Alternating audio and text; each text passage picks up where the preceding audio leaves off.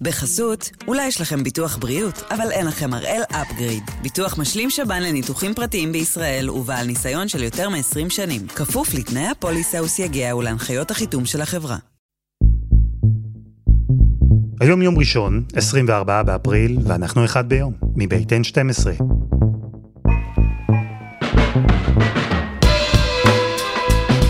אני אלעד שמחיוף, ואנחנו כאן כדי להבין טוב יותר מה קורה סביבנו, סיפור אחד ביום, כל יום.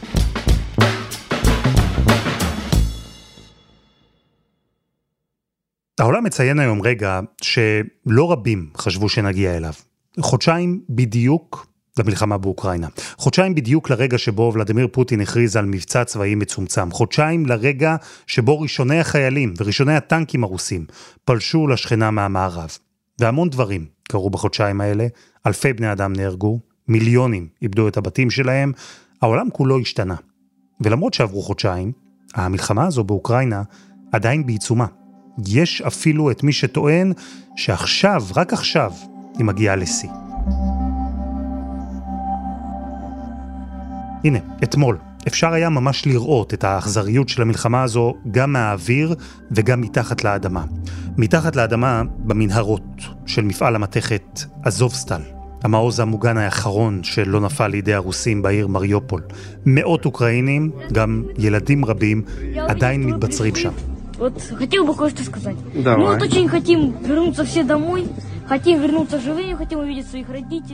ומהאוויר, בתצלומי לוויין. עם מה שנראה כמו קברי ענק, קברי אחים, שנחפרו ממש מחוץ לעיר, מחוץ למריופול. אז הפעם אנחנו עם איתי אנגל, כתב עובדה שהיה באוקראינה, שהסרט התיעודי שלו משם ישודר ביום חמישי הקרוב. אנחנו מסכמים את החודשיים הראשונים של המלחמה באוקראינה, וגם מסתכלים קדימה, אל עבר החודשים הבאים. איתי, שלום. שלום אלעד. זירת הקרבות שאנחנו רואים היום, מריופול, אודסה, לוהנסק, שם מתרחשת עכשיו עיקר הלחימה. וזה שינוי ממה שאנחנו ראינו בשבועות האחרונים. נכון. בהתחלה רוסיה אמנם אה, פלשה לכמה מחוזות באוקראינה, אבל הדגש הברור היה על קייב, שם גם על פי התפיסה של פוטין, ערש התרבות הרוסית, ערש הממלכה הרוסית שקראו לה קייב רוס, זאת אומרת קייב היא שלנו. והרושם היה שתוך 72 שעות היא נכבשת. קייב לפי שעה הצליחה להדוף את הרוסים. זאת אומרת, הטור שריון הזה של 64 אה, קילומטר של שריון שהולך להיכנס לקייב, הוא ממית אימה על כולם, הוא פשוט נסוג. ועכשיו, תכנון מחדש, והיעד הוא מזרח אוקראינה, זה תמיד היה יעד, אבל עכשיו באמת כל העוצמה הולכת לכיוון ההוא. העיר שכל הזמן אנחנו שומעים עליה בימים האחרונים היא מריופול. With every day in Mariupol it becomes ever more horrific. A city besieged, a hospital overwhelmed. כי היא באמת במצור ואתה יודע מלבד אה, כיס קטן או כמה כיסים קטנים היא תכלס נפלה על הידיים של הרוסים. יש שם מאבק הירואי של אנשים אבל היא תהיה רוסית. עכשיו אם אתה מסתכל על המפה של אוקראינה. ואתה רואה שברגע שהם כובשים את מריופול הרוסים, הם מרחיבים את האחיזה שכבר יש להם במזרח, מריופול, ובוא נמשיך מערבה, יש עיר ששמה מליטופול, יש חרסון שהיא כבר בידיים של הרוסים, מיקולייב שיש שם קרבות, והבאה בתור זה אודסה, ועם כל העיירות והערים האלה נכבשים על ידי הרוסים, אוקראינה מנותקת מהים, לאוקראינה אין ים. זה הולך להיות אסון מבחינת האוקראינים, וזה הולך להיות הישג גדול מאוד של פוטין, וזה מה שהולך uh, להתרחש בימים הקרובים. אז זהו, בהמלצתך, במקביל אני פתחתי מפה. ואנחנו מדברים על רצועה עבה, מעוקלת כזו, שעוטפת בעיקר את הצד המזרחי של אוקראינה, ממש מהצפון ועד הדרום. אודסה היא נמצאת בחלק הדרומי, אבל ממש ממרכז אוקראינה. כלומר, אלו שטחים עצומים, נראה לי כמו איזה שליש מהמדינה הענקית הזו. ואנחנו מנתחים את מה שקורה עכשיו, אבל אם נחזור לרגע לימים שבהם אתה הגעת לקייב, לפני שהמלחמה פרצה, ידעו שזה מה שפוטין רוצה? לפלוש ולכבוש את המזרח, את אוקראינה, הרי דיברו על זה. ידעו שזה מה שהוא רוצה, אבל התפיסה הייתה, יופי שזה מה שהוא רוצה, זה לא ריאלי וזה לא הולך לקרות, ופוטין בסופו של דבר הוא אדם רציונלי, ואני חייב להודות בפניך שגם אני חשבתי ככה. אני ממש התקשרתי לעורכת שלי אה, שני בעובדה, ודיברנו על האפשרות של check-out מהמלון, כי כולם בקייב, אני אומר לך, כולם בקייב, אומרים, אה, אתה יודע, עם קצת גיחוך כלפינו, יופי שבאתם, אבל אה, לא תהיה מלחמה. אנחנו שומעים את האיום הזה כבר מ-2014, מהמסע הכיבושים הקצר שהוא עשה בקרים ובדונבאס. שמונה שנים אנחנו שומעים, וגם עכשיו, זה כל כך לא רציונלי וכל כך לא הגיוני, אז זה לא יקרה. כשזה קרה, שוק מוחלט בקייב. אלעד, שוק מוחלט.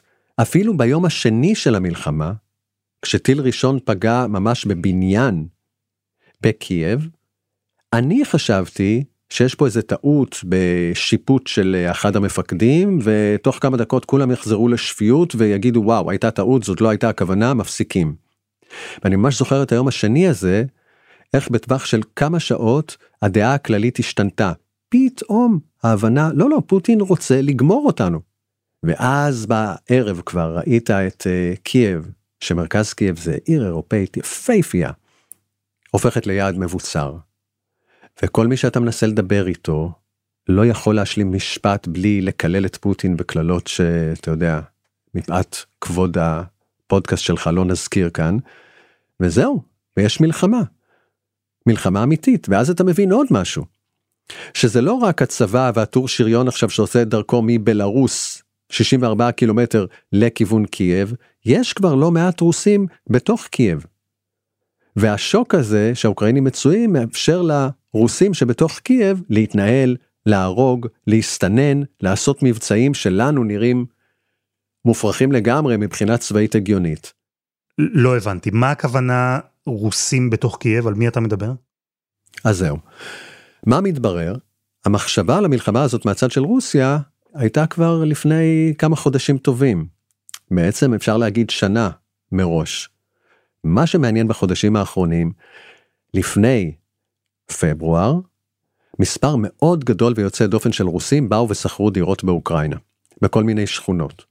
וברגע שהתחילה המלחמה, האנשים האלה היו מעין תאים רדומים, חלק היו ממש חיילים, חלק היו ממש חיילים של יחידות מיוחדות, ספצנץ, חלק היו מעין מרגלים, מסתננים, המילה שכל האוקראינים מדברים עליה זה חבר'ה שבאו לסבוטאז'.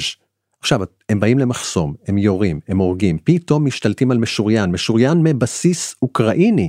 אתה מבין? עד כדי כך היה שוק שלא שמרו על זה בזמן מלחמה כמו שצריך. אני מדבר איתך על היום הראשון ביום השני ואתה רואה משוריין שועט בקייב. אתה, אתה אומר מה הם חשבו האנשים האלה שהם יצליחו להגיע עד uh, קריית הממשלה ויפילו את זלנסקי?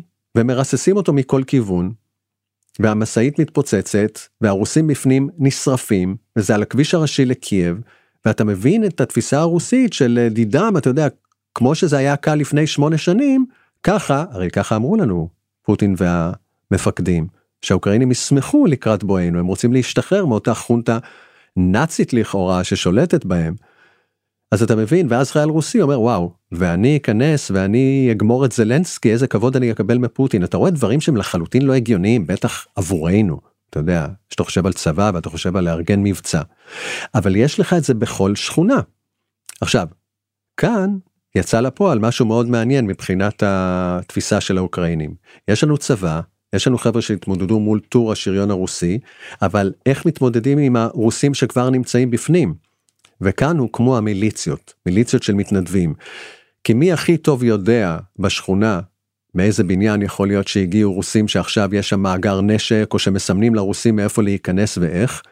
תושבי השכונה עצמם, וככה בכל שכונה קמה מיליציה. וכולם בעניין.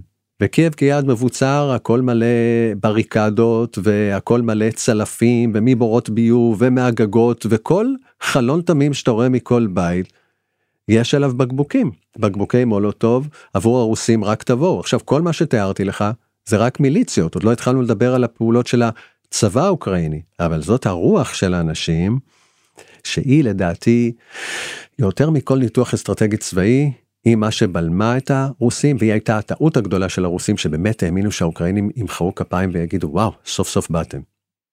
ואנחנו מדברים כאן על השעות הראשונות, על הימים הראשונים של המלחמה הזו.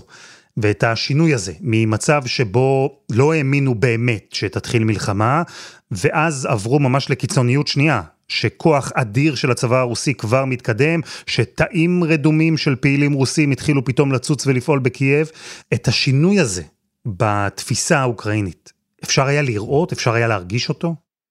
כן, הבנתי את זה, הבנתי את זה לטוב ולרע, אתה יודע.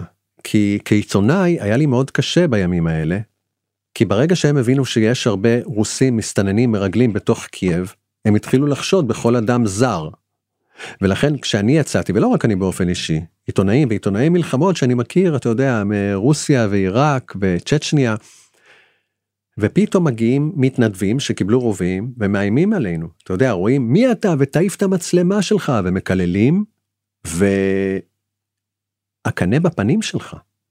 וזה פחד מוות, כי מהבן אדם הזה אתה מריח גם אלכוהול, תעשה את החיבור הזה. מתנדב שהיה סטודנט, שהיה איש מחשבים, שמכר פרחים עד שבועיים קודם לכן, עכשיו הוא משתמש בנשק. אני לא מאשים אותם אפילו, כי באמת יש מרגלים ויש מסתננים והם הורגים אנשים בתוך קייב. אז מטבע הדברים יחשדו בכל בן אדם שזר ותעשה אחד ועוד אחד. אם אני רוסי שמפעיל מרגלים ומסתננים בתוך קייב, מה יותר פשוט מלהפעיל גם עיתונאים, ולעיתונאים יש גישה. כי זה תוהו ובוהו מוחלט. ואתה יכול לראות כל צומת ולראות איפה הם מעמידים את כלי הנשק ואיפה הצלפים שלהם עומדים. ויש לך אינפורמציה יקרה מפז שאתה יכול לספק, לכן יש גם חשד כלפינו, לכן איימו על עיתונאים. היה נורא נורא נורא קשה לעבוד, ואז גם הגיעה החלטה נשיאותית מלמעלה, מאוד מאוד נבונה, אין אלכוהול, נגמר האלכוהול. לא וודקה, לא וויסקי, לא בירות. ואז גם דברים התחילו להשתנות. ובמציאות כזו, שבעצם כל אחד חשוד, בטח עיתונאי, בטח זר, אתה ואחרים, קולגות שלך, הצלחתם בכלל להסתובב, להגיע נניח למוקדי הלחימה? אתה מגיע לכל החזיתות. שזה קצת שוק אגב, אתה יודע, כישראלי, שאתה מגיע לכל מיני מקומות שישראלים, או הצבא הישראלי, בחיים לא היה מכניס אותך, ואז אתה נכנס למקומות האלה, שבחלק מהרחובות שלהם כבר יש טנקים רוסים, כמו אירפין, כמו בוצ'ה, כמו גורנקה, ואז אתה שומע את הקולות. אתה יודע, אני לא אשכח את הסאונד הזה. כי בימים הראשונים שמענו רק הפצצות כאלה שנופלות, לא במרכז קייב, אבל בפריפריה, בשכונות שמרוחקות מהמרכז, וידעת שזה משהו שמגיע מרחוק, כמו שאנחנו מקבלים משהו מעזה או מלבנון. ופתאום אתה, הסאונד משתנה. אתה שומע יש מרגמות, ואז אתה שומע נשק קל, אני מבין מאוד קטן, באמצעי לחימה ובנשק, אבל אתה שומע יריות. וואי, מכל הכיוונים. והרוסים זה קילומטר, קילומטר וחצי ממך, אבל מה שמפריד, הקילומטר הזה, זה יער, יער מאוד סבוך, שהרוסים גם יכולים להסתנן ביער הזה. זאת אומרת, אני עם אדי, הבחור שמצלם שם, והוא רואה אותי רץ, והוא אומר, תפסיק. כי אתה יודע, יש אה, רוסי שכל הזמן מנסה לטווח, והאוקראיני יראה אותך רץ, והוא יחשוב שאתה רוסי והוא יירה בך, והכל נכון. כמה ימים אחרי שיצאנו מהמקום הזה, ששמו גורנקה, באותו צומת שממש אדי ואני דיברנו בינינו לבין עצמנו, הגיע רכב של אה, רשת פוקס ניוז, והרוסים ריססו אותם. הכתב נפצע קשה, הפיקסרית האוקראינית נהרגה, והצלם, צלם מלחמות מאוד ותיק של פוקס ניוז, פייר, גם, נהרג. זאת אומרת, אתה מגיע ממש למקום ששם נמצאים הרוסים, ואני חייב לומר לך שוב, התפיסה הייתה שלי, גורנקה לא תחזיק מעמד. היא... הרוסים ייקחו אותה. אותו דבר חשבתי על אירפין ועל בוצ'ה, והם לקחו לרגע את בוצ'ה וחלקים מאירפין, אבל פתאום אין דלק, פתאום אין כוח, פתאום אין אמצעים להמשיך את הכיבוש הזה, כי זה קל לכבוש, אבל עכשיו לעשות לזה maintenance ולשלוט שם אתה לא יכול, עד שהרימו ידיים ועשו אחורה פנה. מהמקומות האלה, מי שמע על אירפין, על גורנקה, על ברוברי, על בוצ'ה? ועכשיו, אתה יודע, לטוב ולרע, אלה המקומות שעמדו בפני הכיבוש הרוסי, ושם אתה רואה גם את המאות של הגופות שנותרו ברחוב. אז זהו, היית שם, בזמן אמת, ואני אה, אומר זמן אמת, כי היום אנחנו יודעים בדיעבד מה קרה שם בדיוק באותה תקופה. אנחנו יודעים על קברי האחים, על מאות הגופות, על מה שהוגדר טבח, על מעשי אונס, אפילו רצח עם. ידעו משהו מכל זה אז? היו שמועות, דיווחים, אה, הערכות שהדבר הזה קורה? אנחנו היינו בירפין ובבוצ'ה, כשידענו שבחלק מבוצ'ה ובחלק מירפין נמצאים הרוסים. אתה לא ראית את ההוצאות להורג עצמם כי אתה עדיין היית בצד שנשלט על ידי האוקראינים. אבל הנה, אתה רוצה ניתוח שלי. הניתוח שלי באותן דקות היה, אולי מגזימים, כי באמת היעד של הרוסים הוא לא האזרחים האוקראינים. אולי יש פה הגזמה.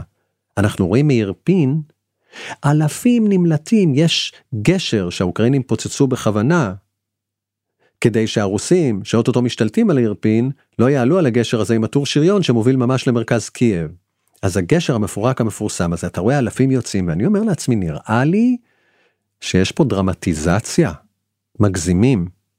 תראה מה זה אלעד, ואחרי זה מגיעות תמונות של מאות גופות, ואתה רואה את התוואי של הרחובות של הבתים, וזה המקומות שבהם צילמתי.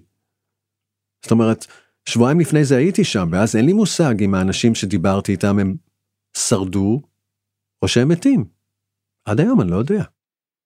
איך אתה מסביר את זה? כי בתחילת המלחמה, לפחות כלפי חוץ, היו מי שאמרו שהצבא הרוסי מנסה להיות uh, מדויק, לא לפגוע באזרחים חפים מפשע.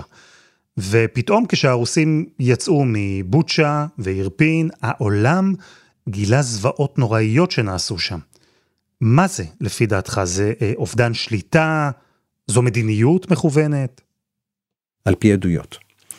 היו משוריינים בבוצ'ה. אתה יודע שפתאום מישהו יוצא מהמשוריין שלו עם איזה מגפון ואומר, אה, אזרחים, אה, תפסיקו, אנחנו פה ואין לכם מה לתקוף אותנו. והוא חוטף, אתה יודע, טיל לתוך הטנק, והבן אדם הרוסי הזה שנתן את ההודעה הזאת כמו הטנק שלו, זהו, עולה באש ונשרף. אז השאלה, האם הרוסים באו בתפיסה שאנחנו לא נצטרך להרוג אזרחים, או שתכננו את זה מלכתחילה, זה משהו שאף פעם לא נדע, אבל מניסיון שלי תמיד בקרב, אתה יודע, יש איזה תפיסה, ויש תפיסה שאתה הומני כחייל, והצבא שלך הומני, ואז קורה משהו, שחבר שלך נהרג, או שאתה יודע, הורגים אותו גם בצורה שאין בה שום הומניות וזהו, ואז אתה מאבד את זה, אתה מאבד את זה. הכל סביבך זה אש. החברים הכי טובים שלך אולי מילדות כבר הרוגים, ואז אתה יודע, all hell breaks loose, ו- ותראה מה קרה פה. אתה יודע, זה נשמע כל כך מוזר, אבל חלק מהם ממש נעלבו. אתה יודע, מעבר למלחמה עצמה, נעלבו שלא מקבלים אותם בפרחים, כי זה מה שטפטפו להם במוסקבה, שזה מה שאמור לקרות. וברגע שאתה רואה שאח שלך אומר, מי אתה שתסביר לי, או אני יודע יותר טוב ממך, אני מכיר את זה מיוגוסלביה. מלחמת אחים היא תמיד המלחמה הכי נוראה והכי אכזרית, ולשם זה הגיע. ועכשיו אף אוקראיני לא יגיד, על רוסי שזה אח. הרגעים האלה, הרגעים שבהם הצבא הרוסי הבין שהעם האוקראיני לא יקבל אותו, לא בשירים ולא בפרחים. הרגעים שבהם השיירה שעשתה את הדרך לכבוש את קייב, זו שהייתה אמורה לדלג בקלילות מעל הפרברים, כמו אירפין, כמו בוצ'ה, הרגעים שבהם השיירה הזו נתקלה דווקא שם בהתנגדות קשוחה, אז הרגעים האלה הם שהובילו לשינוי מוחלט של המלחמה באוקראינה, במידה רבה הם הובילו גם לרגע הזה שבו אנחנו נמצאים היום. אבל קודם, חסות אחת, וממש מיד חוזרים.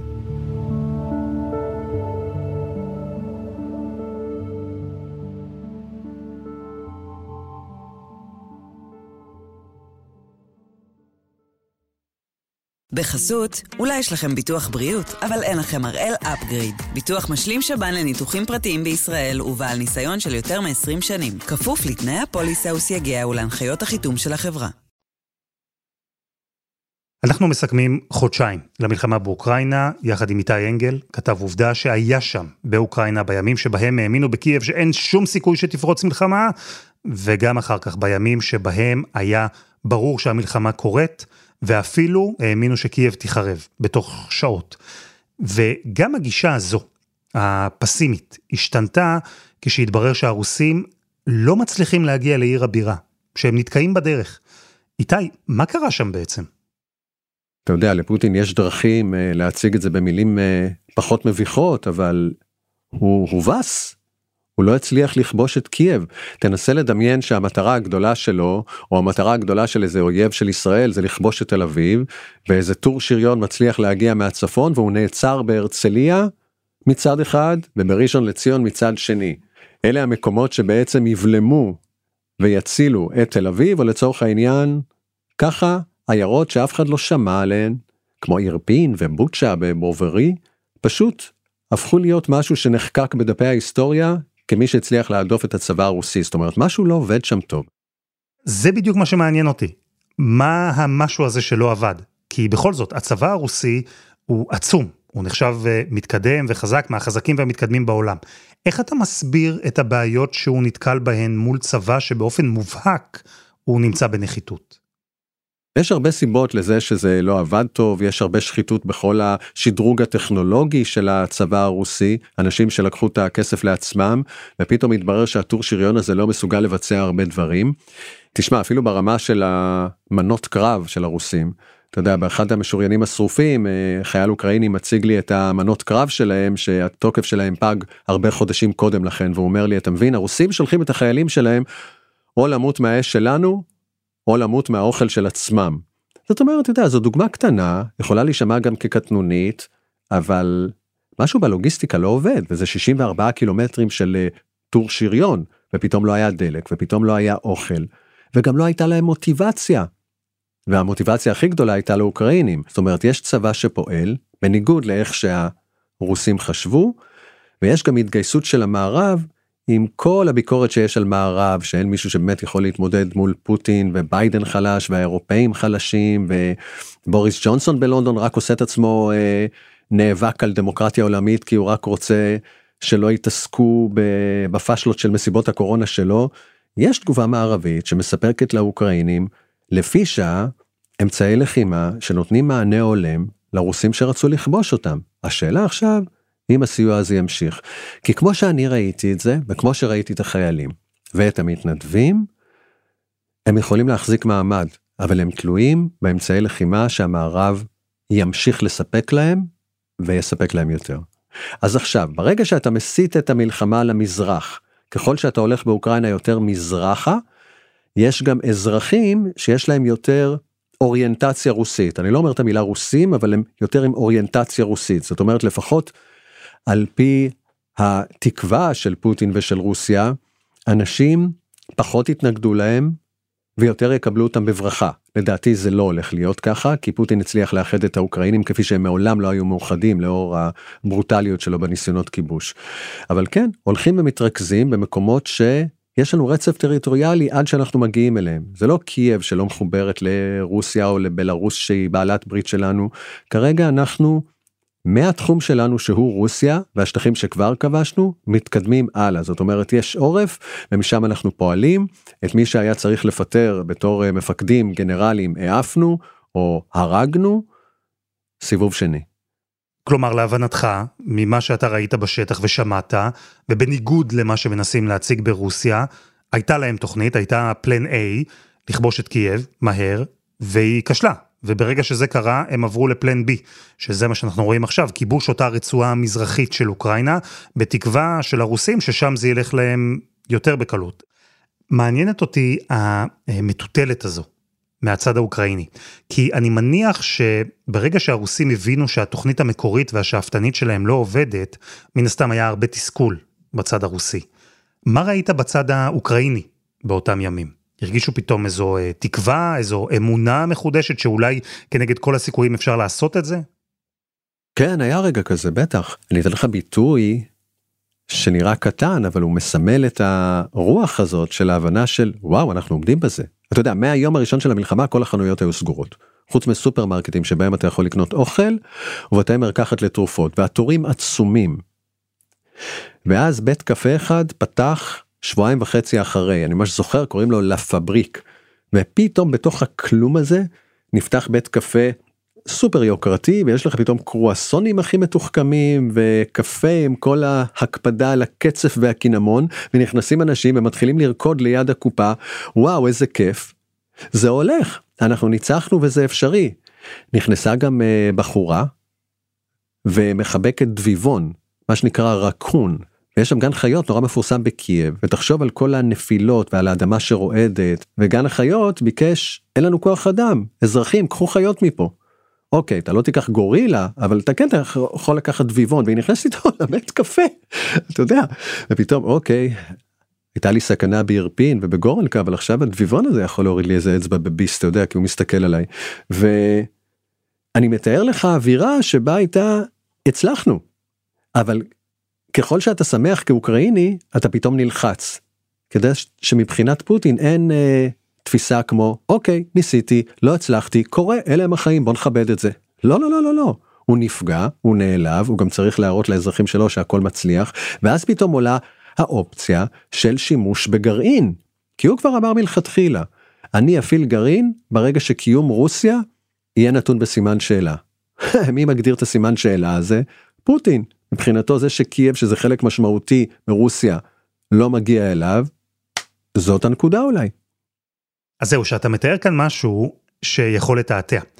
כי זה שהרוסים לא הצליחו להוציא לפועל את התוכנית המקורית שלהם, זה לא אומר שהם הפסידו, נכון? כלומר, גם אם זה לא הניצחון שפוטין רצה, שפוטין קיווה, המלחמה הזו עדיין יכולה להסתיים עם ניצחון רוסי.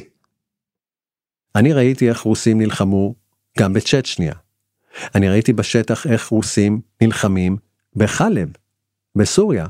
לא הולך לי מהר, אוקיי, יש זמן. והאופציה הבאה, אני אפציץ את העיר ואני אשטיח אותה. יש זמן. העיר תהפוך להיות שטוחה. ממש רובעים שלמים שלה יראו כמו הירושימה, ומי שמנסה להתמודד נגדי, אתה יודע, לאט לאט לא יהיה לו אוכל, לא יהיו לו תרופות, לא יהיה שמיים, העיר הכי גדולה בסוריה, חלב, היא חרבה. עכשיו זה לא תורת לחימה ששמורה רק לסוריה, זה הטקסטבוק הרוסי. לא הלך מהר. לא הלך הבליץ שדמיינתי אותו. אוקיי, יכול להיות שעשיתי טעות. יש זמן. הנה, תראה את מריופול. מהיום הראשון של המלחמה הרוסים תוקפים אותה. לא הלך ב-72 שעות, לא הלך בשלושה שבועות, לא הלך בחודש וחצי, עכשיו אנחנו חודשיים לתוך המלחמה, לאט לאט, אם אתה מסתכל על מריופול, עיר שהפסיקה להתקיים, שהבניינים שלה חרבים לגמרי, ויש עוד איזה מתחם תעשייתי ששם יש איזה כמה כיסים, יש זמן, נגמור את העיר הזאת לאט לאט, נגמור את הארץ הזאת לאט לאט, אין מה לחוס על החיים של האזרחים האוקראינים, וגם לא יהרוג אותי שחיילים שלי אה, ימותו באלפים, בעשרות אלפים. אז אנחנו נמצאים בשלב חדש של המלחמה באוקראינה, חודשיים אחרי שהתחילה הרוסים עברו לפלן בי, לכיבוש של המזרח בעיקר. וזה קורה בכוח, זה קורה באגרסיביות, גם תוך פגיעה קשה במטרות אזרחיות ובאזרחים. ואיתי, אתה עזבת את אוקראינה כשהיא הייתה אחרת לגמרי מאשר זו שהגעת אליה אז, לפני חודשיים וכמה ימים. מה למדת? למדתי שהמומחים הכי גדולים וה-think tank הכי מרשימים בכל העולם, אה, כבודם במקומם מונח, הם לא יכולים לצפות צעדים של אדם כמו פוטין, שחלק מהכיף שלו זה שתמיד לא יבינו אותו. תובנה שנייה, הולך להיות פה נורא ואיום למשך הרבה זמן. יש לי גם תובנה אישית, אתה יודע, סבא שלי נולד באוקראינה, בחרקוב. הכל מתקשר לך גם לעבר. סבא סיפר על אוקראינים שהרגו יהודים ושיתפו פעולה מאוד בחדווה עם הנאצים. אבל הוא סיפר לי גם על אותם אוקראינים שסיכנו את עצמם והצילו יהודים וחלק זה המשפחה שלנו. ואתה מנסה לעשות גם איזה חשבונאות אישית, משפחתית, יהודית. בעצם זה שהוא הגיע מחרקוב, אני אומר, אולי גם זו הנסיעה הבאה שלי, כי המלחמה הולכת להימשך הרבה, ואמרנו שכרגע היא מתמקדת במזרח. אין לפוטין עיר גדולה שאותה הוא הצליח לכבוש כסמל, קייב לא הצליחה לו. הניסיון לעיר גדולה הבאה זה חרקוב. אתה יודע, והיה וזה נמשך כמה חודשים, מה שלחלוטין נראה לי, תהיה עוד נסיעה. והנסיעה הזאת תהיה חרקוב. למרות שעכשיו שאני חושב על אה, זה שאימא שלי תשמע ואשתי תשמע את זה, זה ירגיז אותם וכשאין כועסות הן מסוכנות הרבה יותר מפוטין. אבל אני חושב שבסוף כל המשפחה תבין. איתי אנגל, תודה רבה. תודה אלעד. והסרט המלא שלך מאוקראינה ישודר ביום חמישי הקרוב בתוכנית עובדה בערוץ 12. וזה היה אחד ביום של N12. אנחנו חזרנו אחרי חופשת פסח קצרה, מקווים שהתגעגעתם. אתם עדיין מוזמנים לדבר איתנו על הכל בקבוצה שלנו בפייסבוק, חפשו אחד ביום, הפודקאסט היומי. העורך שלנו הוא רום אטיק, תחקיר והפקה דני נודלמן, רוני ארני ועדי חצרוני, על הסאונד יאיר בשן שגם יצר את מוזיקת הפתיחה שלנו, ואני אלעד שמחיוף. יונה לייבזון תהיה כאן מחר.